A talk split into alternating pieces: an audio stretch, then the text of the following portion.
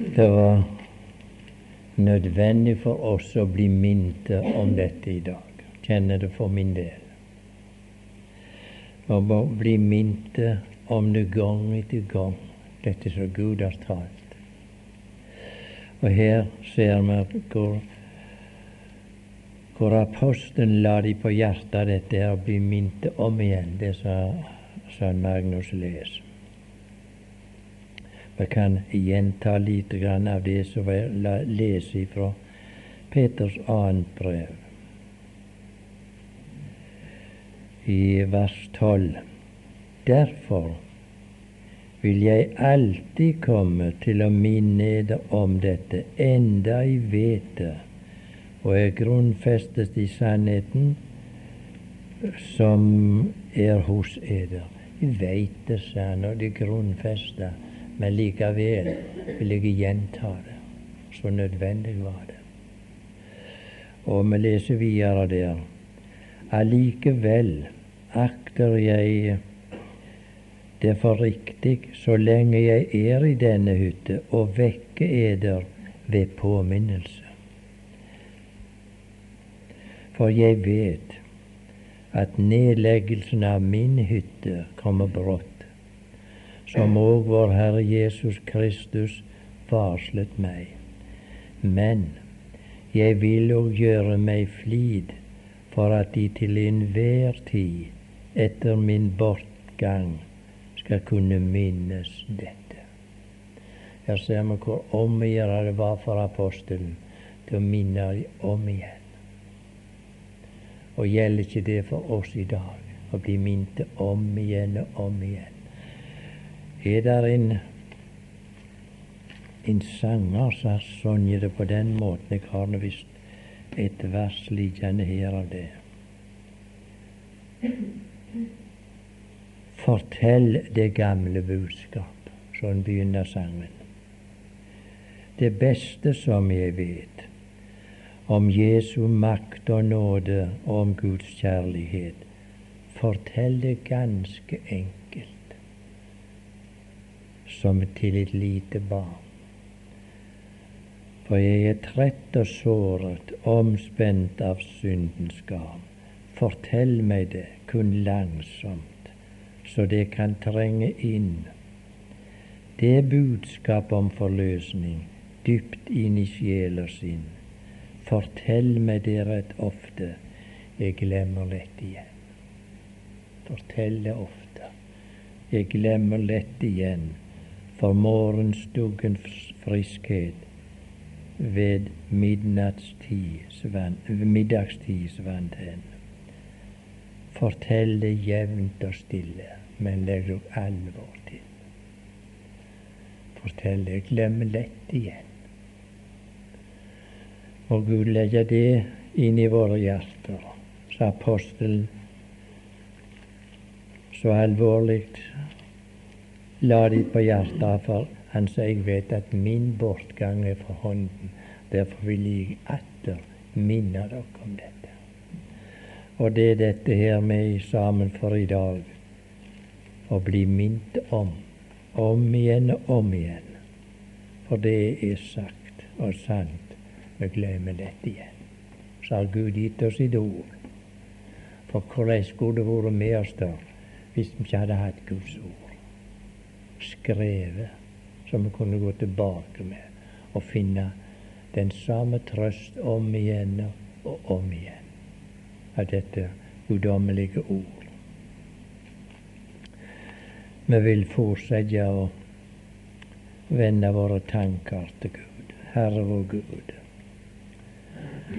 Vi er så avhengige av de hjelp ved Den hellige ånd hvis vi skal få ta imot ditt ord, Herre. Og du vet jeg for min del står her og kjenner på jeg har lyst til å foregne eller bruke salmistens ord. La min munns ord og mitt hjertes tunge, hjertes tanke, være til velbehag for deg, min klippe og min gjenløser at det var til velbehag for deg, Herre. For vi er ikke samla for å snakke mennesker til lags. Men det er vårt innerste ønske, Herre, å glede ditt hjerte. Så vil jeg be, Herre, at de ord som måtte gå ut av min munn, så du ikke kunne kjennes ved, vil ta det bort, Herre Jesus. At det er ditt ord blir stående igjen i våre hjerter, og som vi kan nyte i samfunn med deg ved Den hellige ånds hjelp. Vi ber om det, Herre. Innta våre hjerter således at vi kan bli opptatt med herlighetens Herre og skue inn i den kommende verdens herlighet og få et blikk på hva du har gjort for oss, og hva du vil være for oss. Når vi skal være samla med deg i all evighet, Herre. Det skal bli stort for oss, Løft oss opp i denne kalde, vonde verden. Vi trenger din nærværelse og Den hellige ånds lys og varme. Vi ber om dette og anbefaler oss deg i Jesu navn.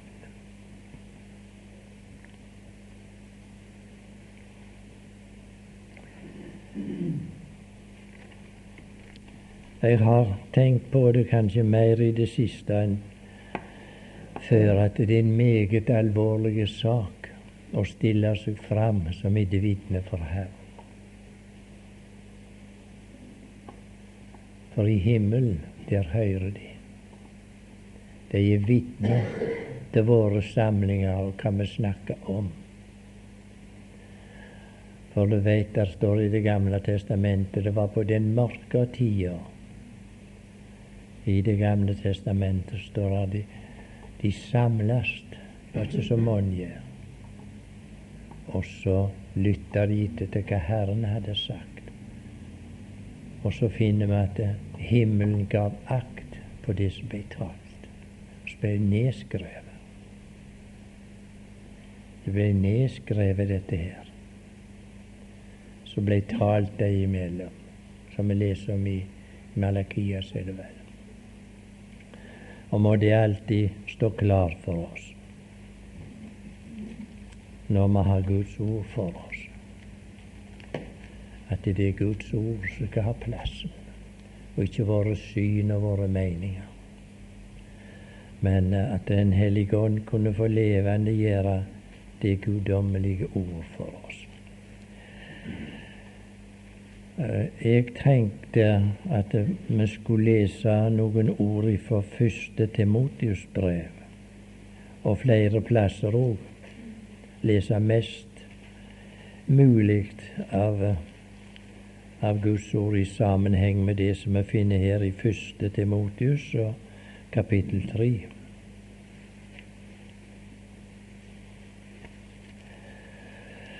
Og vi finner i det kapitlet der at uh, det er et brev til Timotius om, om hvordan han skal vandre og ferdes iblant Guds folk. Første Timotius brev, kapittel 3 og vers 14. Dette skriver jeg til deg, men jeg håper snart å komme til deg.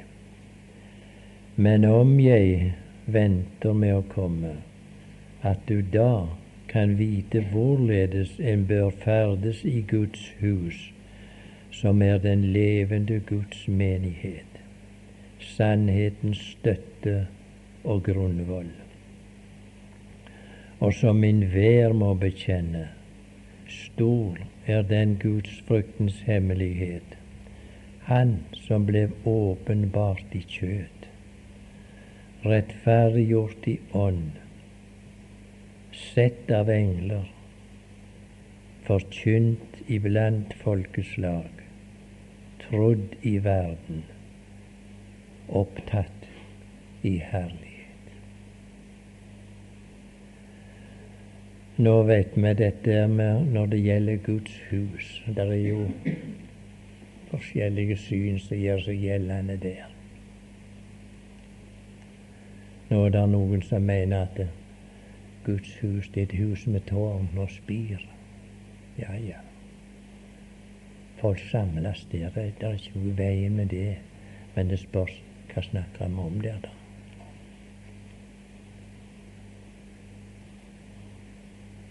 Disiplene de var òg av den mening. De sa til Herren en dag Se hvilke bygninger, sa de.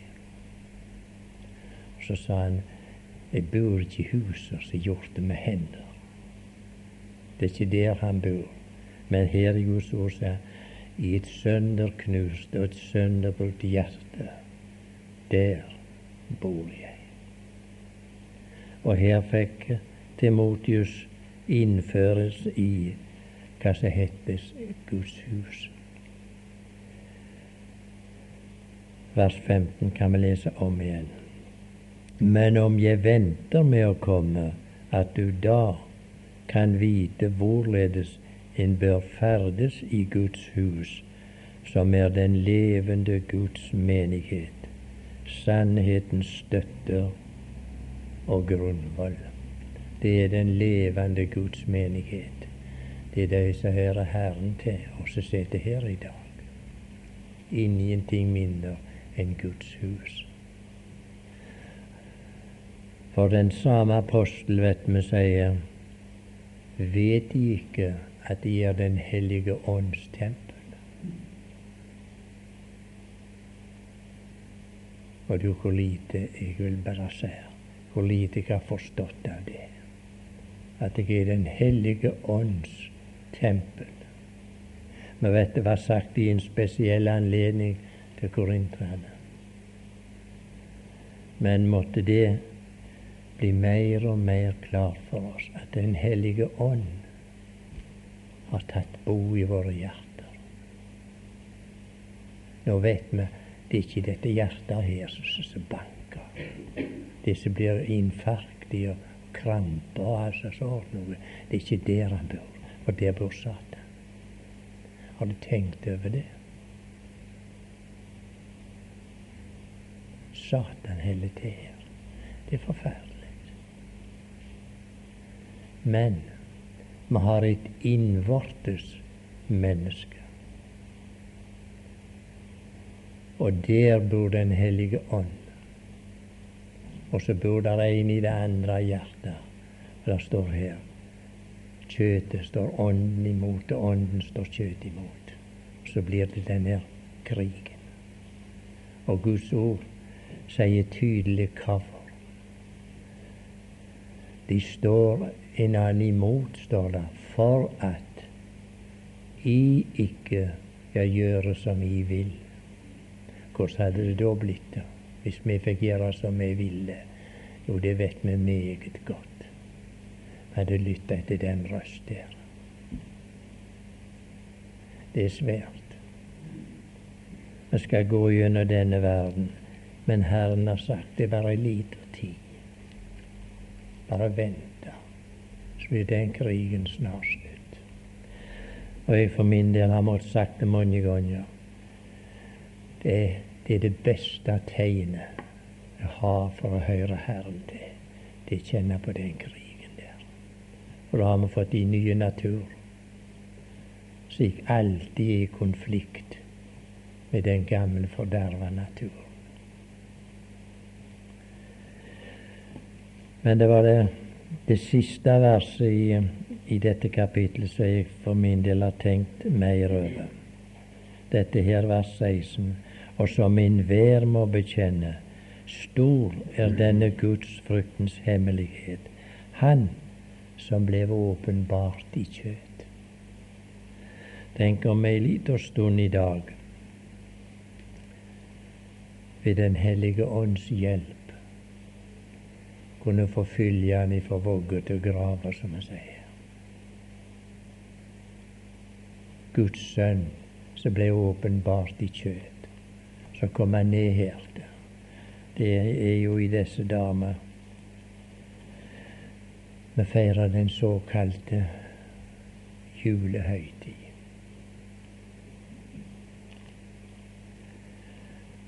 Og der står i Guds ord vet du, i tidens fylle sendte Gud sin sønn, født av en kvinne, født under loven, i tidens fylle. Ikke verken for tidlig eller for seint, men i tidens fylle.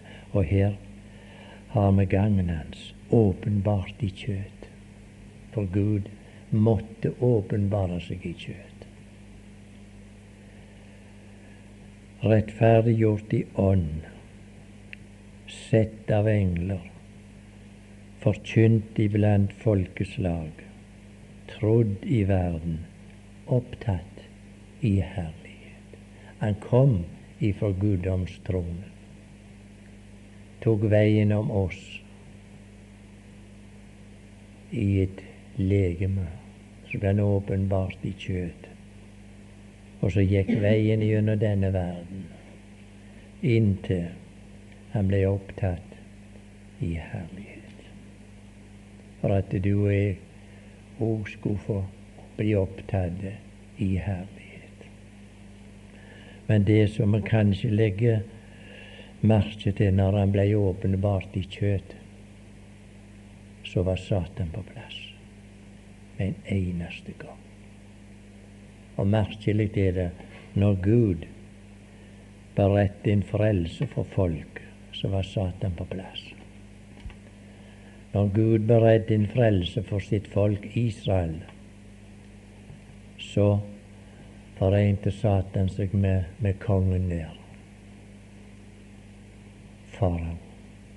Og så sa han, kast alle guttabåtene i, i, i elva bort med deg. Og det der skulle ikke noen frelser til. Den gamle slange morderen, han sørget for det. Skulle gjøre alt han kunne for å drepe den frelsende mulighet som Gud hadde beredt for sitt jordiske folk. Så beredte Gud din frelse for verden. Med en gang var Satan på plass. Drepe alle guttebarn. Ta livet av dem.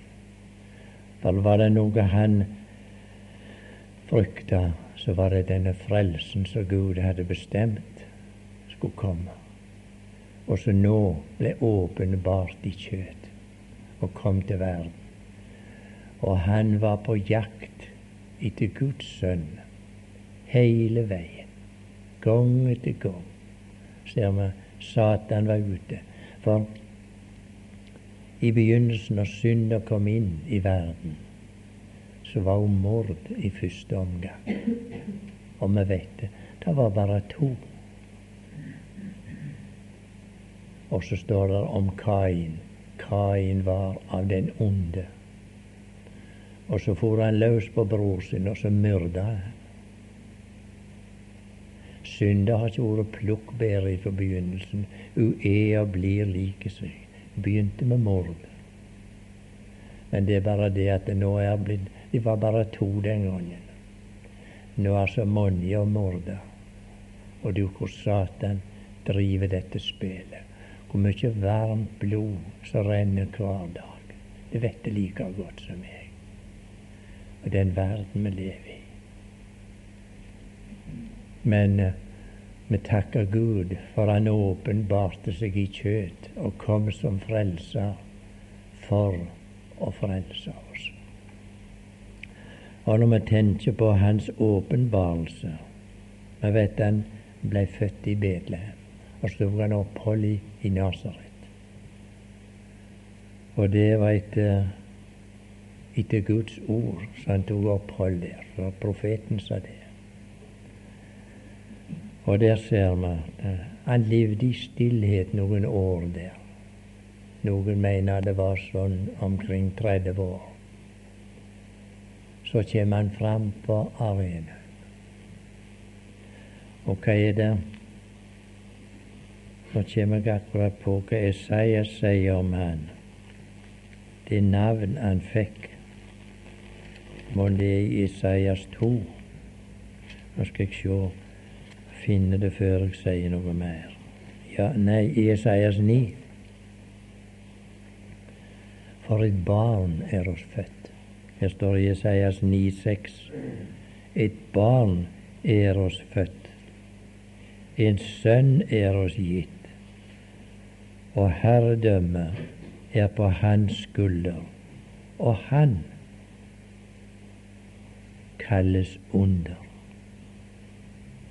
Rådgiver, veldig Gud, evig Fader, fredsfyrste. Hans navn kalles Under. Og under hans vandring her i verden så var han underets Gud hele veien. Og vi ser når han begynte sin, kan vi si, offisielle vandring, så finner man i et bryllup i Kana i Galilea. Der var han budt inn. Der står det han og hans disipler var innbudt til bryllup, og hans mor var der, står det. Så kjenner det historien like godt som meg. Så ble det for lite vin. Og så sa hans mor til dem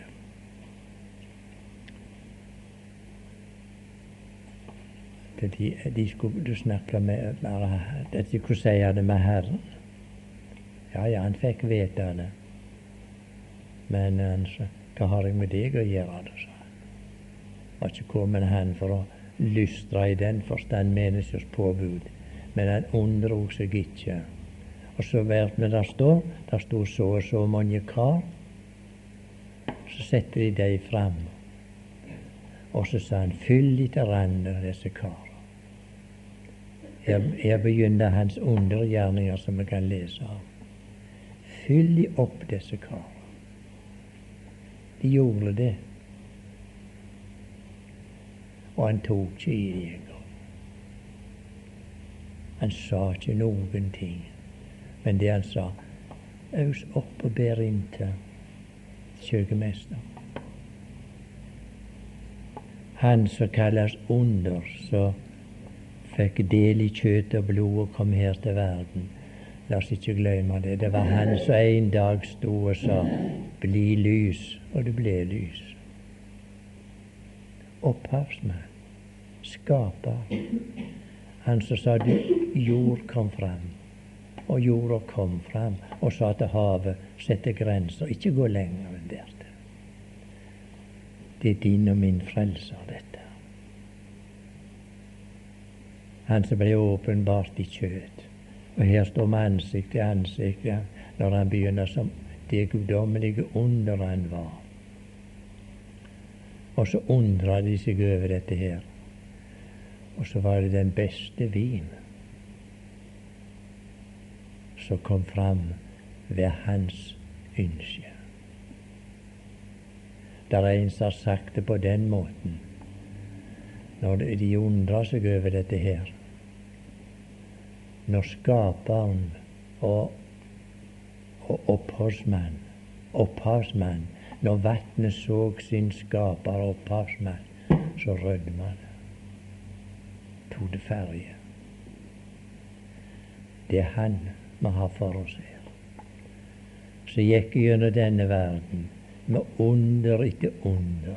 Så begynte han der i, i, i, i Kana så vet du sjøl like godt som meg. Jeg kan ikke komme på alle under. Men det var under på under under etter under. Så kom det noen blinde en dag, og så ropte han gi synet. syne. Sånn. Det, det, det får syne. Tro, tro får det syne. Og så var det noen spedalske. Så rensa han de ved et ord så var det en krumbøyd kvinne, vet vi, hvor mange år var hun hadde gått bødde der. Det var i mange år. Rørte ved hans kledebånd, står det. Så retta ryggen seg. Den ene gangen etter den andre, under over under. Så, var han på, så gikk han ut på sjøen. Vatnet bar han vi har så vanskelighet med å tro det, for det var han som hadde skapt vannet og sjøen. Det var underets herre.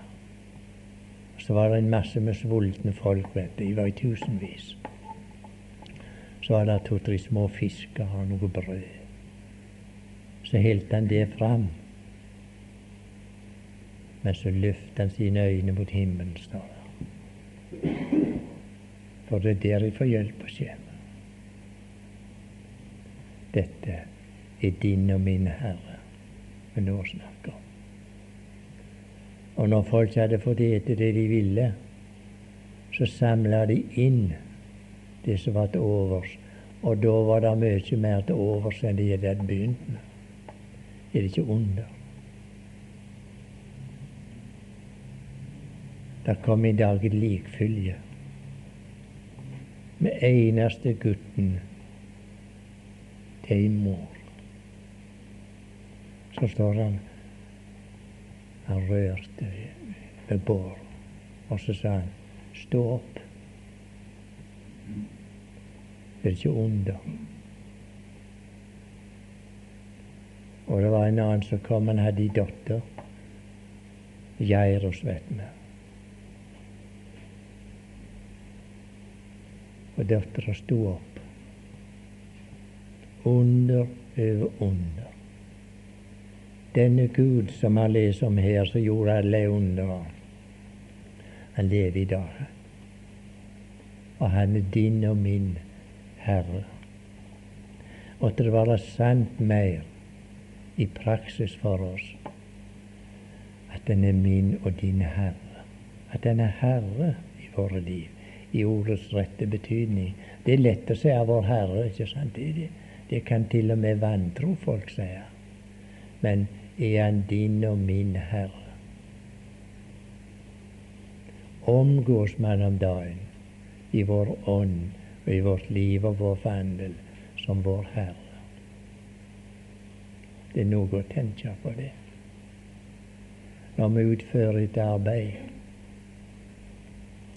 Det I gjør, står det, gjør det som for Herren, og ikke for mennesker. Ikke for mennesker. For et ansvar vi har. Må Gud vise oss det. Så skal vi kunne oppfylle det ansvaret mye bedre ved Hans hjelp, hvis vi innenfor, innenfor Hans åsyn til hver tid. For med Kristi brev står her lest av alle. Kristi brev. Og der er noe mitt brev, vet du. Det er mange brev, og de er så vanskelige å lese. De skriver så tydelig.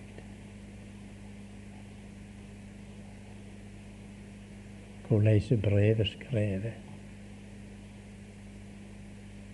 Kan de lese det? Lest av alle, står. Kristi brev. Er det ikke en alvorlig sak? den lille stunden vi vandrer her som barn av Gud, at vi tydelig skrevne.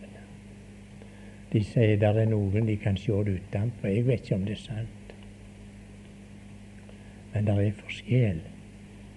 Og så er det i ånd som kommer som stråler fram av noe. Du skal ikke ha så mange ord med dem, og ikke de høyreste.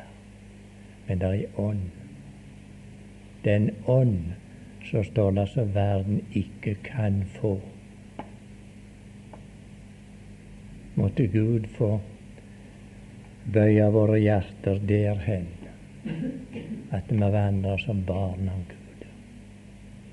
Vi vet det er mange måter for barn å vandre i denne verden, men at vi vandrer som barn av Gud. Ja, nå kan ikke jeg tar på meg å følge Herren som det under han er. Men uh, vi veit han var under hele sin vei.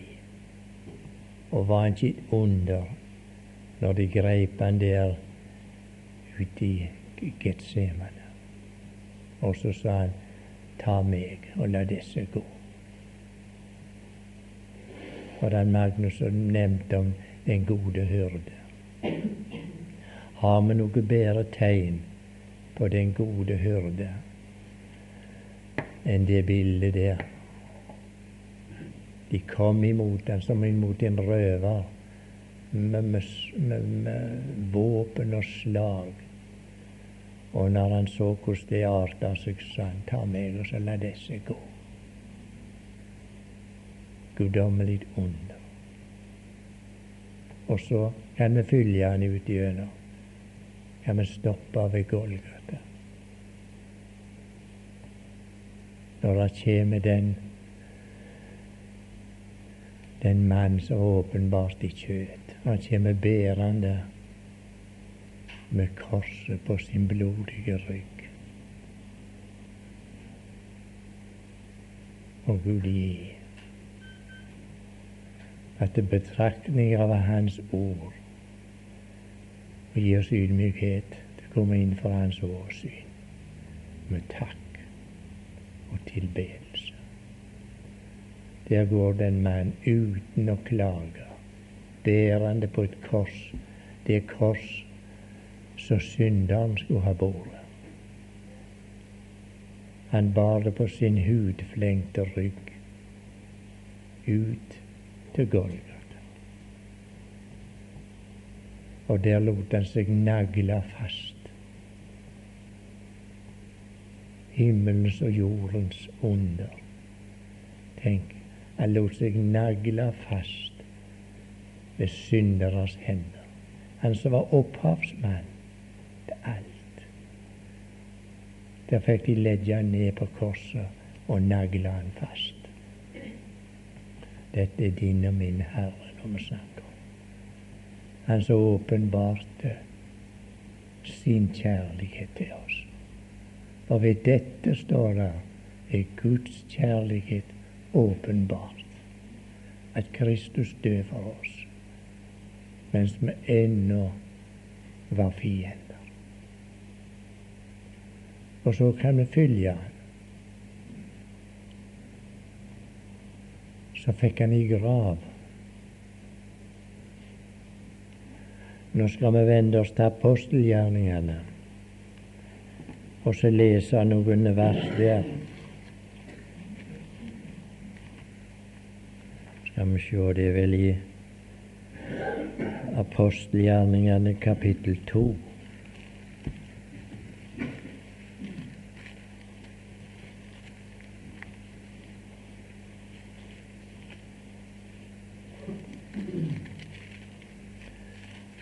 kapittel to.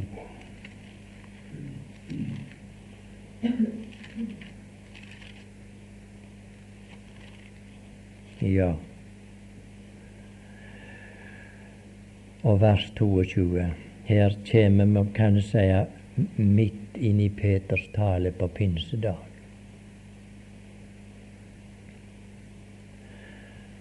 Skal vi finne opp kapittel 13 med det samme, så at vi har vi kan gå over litt lettvint der, for det er noe der i kapittel 13 som angår den samme sak. Men i kapittel 2 av apostelgjerningene, der leser vi fra vers 22. Israelittiske menn, hør disse ord. Jesus fra Nasaret en mann som var blitt utpekt forræder av Gud ved kraftige gjerninger og under og tegn. Her kommer vi inn på det samme. Han var utpekt av Gud med kraftige gjerninger, under og tegn, som Gud gjorde ved ham, midt iblant eder, således som vi selv vet. Det var ikke noe nytt. Han hadde åpenbart seg iblant dem. Ja. Det vet om det, sier Peter. Men så sier han videre Han som ble forrådt etter Guds besluttede råd og forudviten. Han ble forrådt. Og vi vet hvem det var. Herren sa om disiplene sine har ikke jeg utvalgt eder tolv, og én av eder er en djevel. Verken mer eller mindre. Satan fyller han parallelt hele veien, like til grava. Men Herren sa, har ikke jeg utvalgt dere tolv, sa han, og en av dere er en djevel. Og her ser vi han som ble forrådt etter Guds besluttede råd. Det var ikke et så løst tilfelle, men tenk, han ble forrådt. Og hva måte gjorde han det på da? Tenk, han gikk bort og gav Guds sønn et kyss. Denne Herren sier, han var en djevel. Så måtte han ta imot et kyss av Satans utsending. Men her står det var etter Guds besluttede råd og forutviten.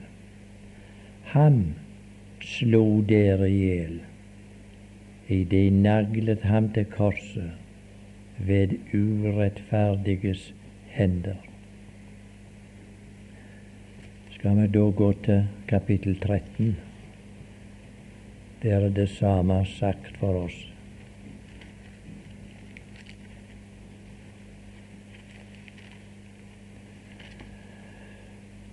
Ja, men vi kan lese fra vers 27 der i kapittel 13. For de som bor i Jerusalem og deres rådsherrer kjente ham ikke og ved å dømme ham oppfylte de profetenes ord som blir lest hver sabbat. Oppfylte de profetenes ord som leses hver sabbat. Og enda de ikke fant noen dødsskyld hos ham, ba de Pilatus at han måtte bli slått i hjel. Og, og kommer. Og da de hadde fullbyrdet alt som er skrevet om ham Det var ikke tilfeldig de hadde gjort dette her. Men da de hadde fullbyrdet alt som er skrevet om ham, tok de han ned og la ham i en grav. Var den historien endt da? Nei. Nå kunne ikke verken Satan eller hans håndlangere fornærme han mer. Nå kunne de ikke slå han. Nå kunne de ikke spotte han lenger. Nå kunne de ikke tornekrone Nå kunne de ikke spotte på han lenger. For nå hadde de fått han i grava. Men Gud, så kommer det. Så grep Gud inn. Men Gud oppvekte ham fra de døde. Så går vi tilbake til det, kapittel to.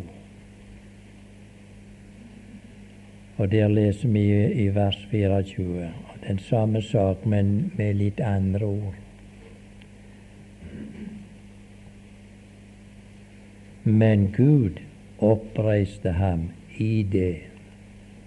Han løste dødens vær ettersom det ikke var mulig at han kunne holdes av den. Det var ikke mulig at han kunne holdes av den. Gud står der. Han løste dødens vær for døden hadde veer når, når, når, når, han fikk Guds sønn i sitt skjød. Da vrei døden seg i veer. For han kunne, ikke, han kunne ikke ha han i sitt indre. Han måtte ut derifra. Og Gud grep inn og så oppreiste han han til vår rettferdiggjørelse. Og det er svært å tenke på. Når vi tenker videre på den historien og de under. Og når de hadde fått den i grava, så leser vi om disiplene. De flydde hver sin vei. Det var ingen av dem som hadde noe håp om at de skulle treffe han igjen. Ikke én. For det står i, i Johannes evangeliet hadde enda ikke forstått at han skulle stå opp. Men der var en Satan. Han så litt annerledes på det. Og han hadde noen gode medhjelpere i de skriftlærde og rådsherrene. Og så kom de til Pilatus og så sa denne forfører, sa de. Han sa om tre dager så står jeg opp. Ja, det frykt jeg. Men disiplene var blitt så avskremte når de tok og korsfesta. Det de rymte hver til sin kant, ser, vi ute. Vi finner den ene her og den andre der. Noen på veien til Emmaus, og noen andre var, var tatt andre veier. Men det var noen som frykta for et nytt under. Og en av dem, det var Satan. For nå setter han alt innpå som kunne innsettes, for nå var det avgjørende. For hvis denne forføreren står opp, så taper Satan sin kraft. Og det står om han, vet du, han tilintetgjorde døden. Hadde Herren forblitt i grava, så hadde alle hans undergjerninger vært forspilt. Men så står det men Gud. Så grep Gud inn. Når alle Satans triks, kan man si, var samla nå, og nå var det om å gjøre for han i grava. Og så ser vi hvordan det, det gikk til, dette her. Så ser vi de de rotta seg i sammen. Kanskje vi skulle lese lese noen vers fra siste kapittelet i Matteusevangeliet.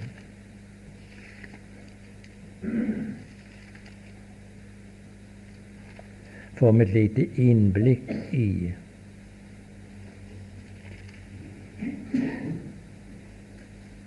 i, i Satans virke. I kapittel 27 i Matteus. Vi skal lese fra vers 62. Og der står det Men den neste dag, som var dagen etter forberedelsesdagen, kom yppersteprestene og fariseerne sammen hos Pilatus og sa Kan vi lytte til hva de sa? Herre, vi kommer i hu at mens denne forfører ennå var i live, sa han, tre dager etter står jeg opp.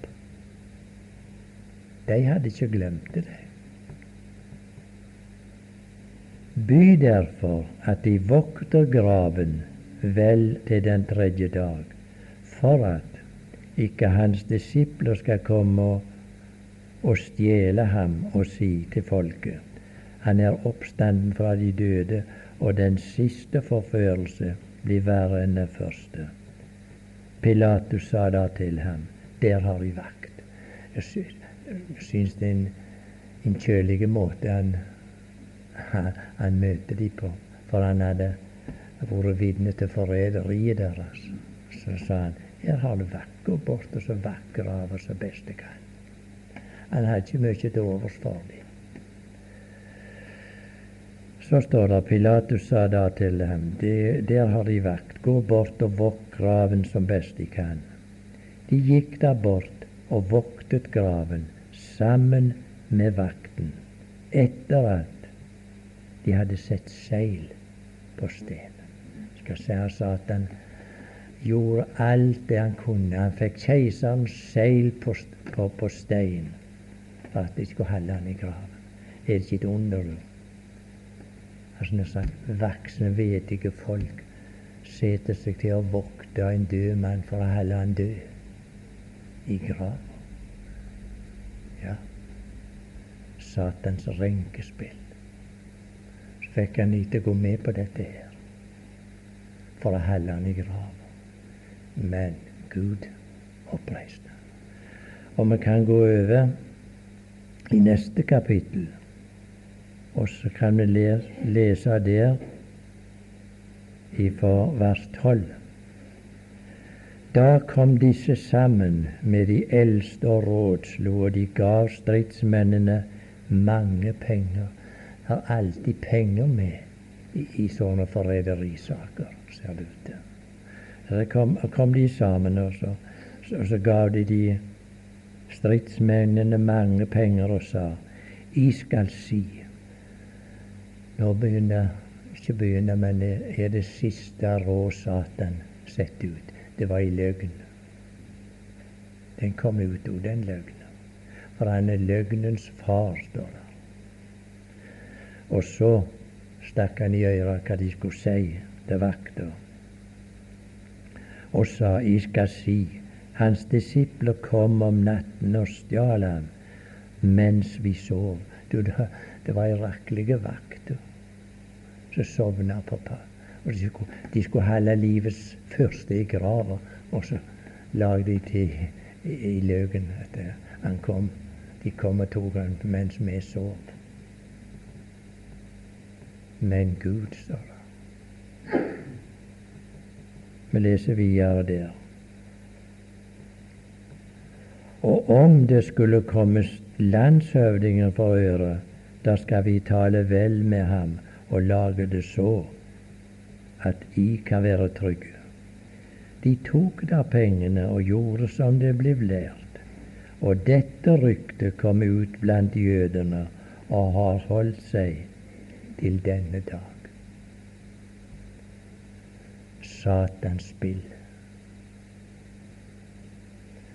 for å holde Guds sønn i grava. For det var der han tapte slaget. For det står at han tilintetgjorde døden. Tilintetgjorde døden. For Satan hadde nøklene til døden og dødsriket. Og det var de som ble tatt ifra han her ved Kristi oppstandelse. Og du vet at det står vel i Korinterbrevet hvis Kristus ikke var oppstanden, så er vi ennå i våre synder. Det er grunnlaget under hele vår frelse. Det er Kristi oppstandelse. Og det er tapet til Satan.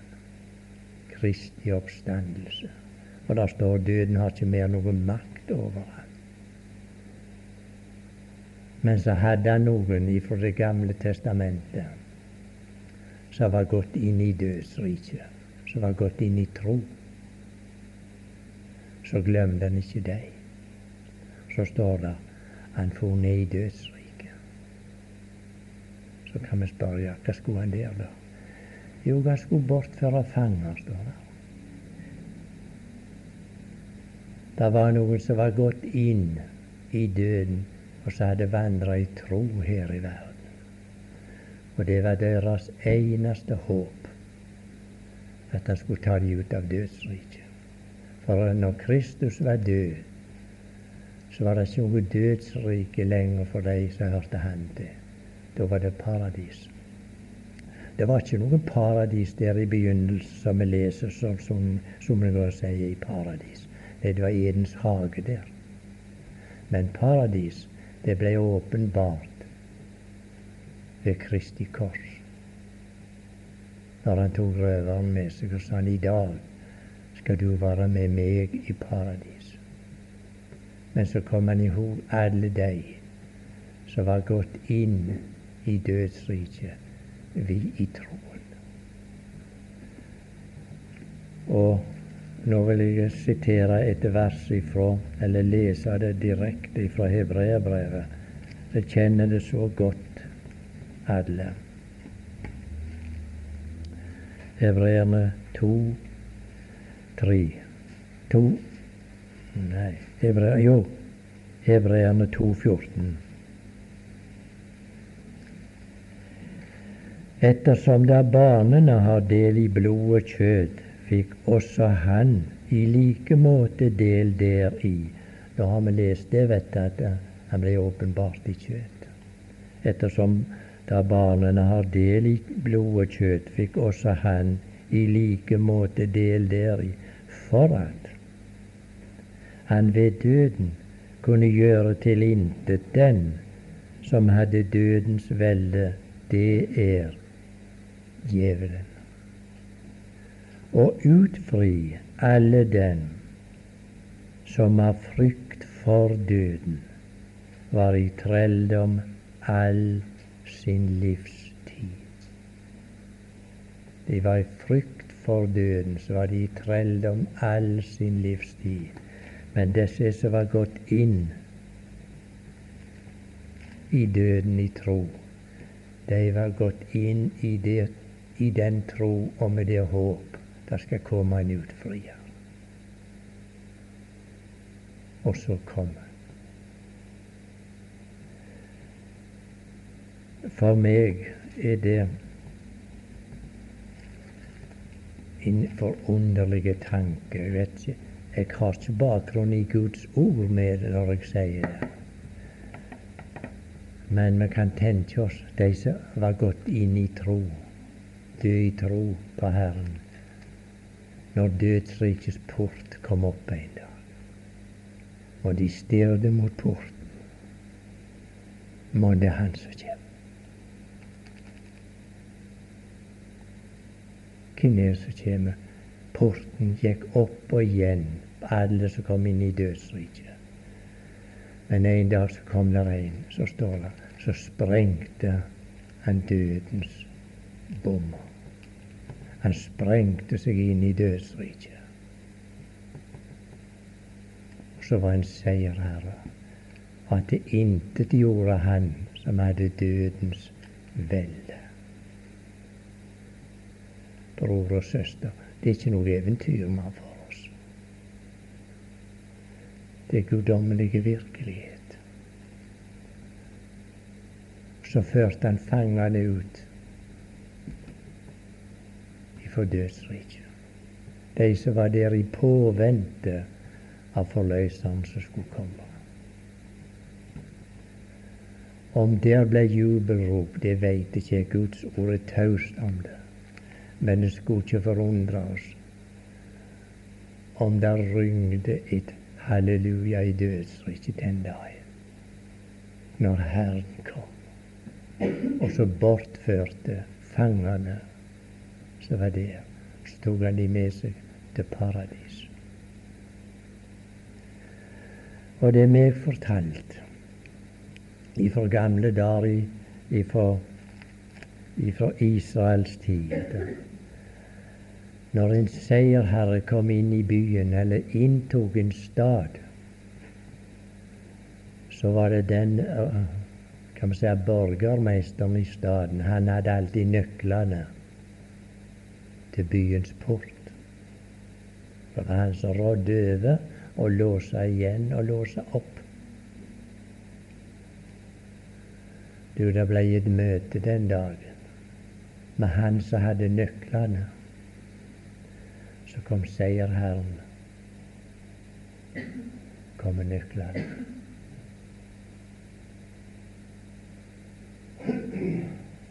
Og de sies at det gjordes på den måten. Når byen var inntatt og, og hærtatt og alt var ordna og seierherren sto der, så måtte denne rådmannen i byen komme med nøkkelen på ei pute så overleverer han seg. Nå er det du som har makta. Det kom i dag, som vi har lest om her, når livets herre sto opp og sprengte dødens porter, så måtte fienden levere nøkkelen ifra seg. Og så sier Herren Nå skal jeg lese det som står i åpenbaringen. Jeg tror det er i, vers, i kapittel 1. Og om jeg ikke tar for mye feil, så er det vel i, i vers 18.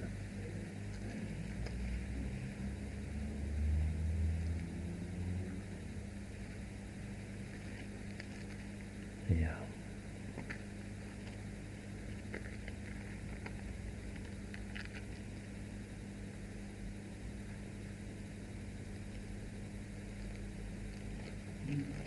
Skal vi sjå. Ja. Åpenbaringen kapittel 1 og vers 18. Frykt ikke. Frykt ikke. Ikke vær redd. Jeg er den første og den siste. Vi vet hvem som taler her. Jeg er den første og den siste og den levende. Og jeg var død, og se, jeg er levende i all evighet, og jeg har nøklene til døden og til dødsriket. Jeg har nøklene til døden og dødsriket. Hva skal vi da frykte for? Men det snakkes i våre dager om nøkkelpersoner, ikke sant? Det er noe sånt noe på enkelte områder. Nøkkelpersoner. Her er Guds nøkkelperson. Han som ble åpenbart i kjøtt. Som kom til denne verden. Og nå har han vunnet den seier som han var ute for å ta. Og her sa han, jeg har nøklene til døden og til dødsriket. Så har Satan for evig tapt sitt herredømme. Og så er det seierherren ifra Golgata. Vel kan døden ska, det er ikke det. Døden han kan rive ned hytta vår, det er det eneste han kan gjøre. Og det gjør han. Men han kan ikke skade lenger. For seierherren ifra Golgata. Der står, vet du, i Kolossenserbrevet Han avvæpnet Har lagt merke til det løye når vi leser det, hvordan vi kan oppfatte det som en tid. Vi leser som om det ikke skulle være noen ting.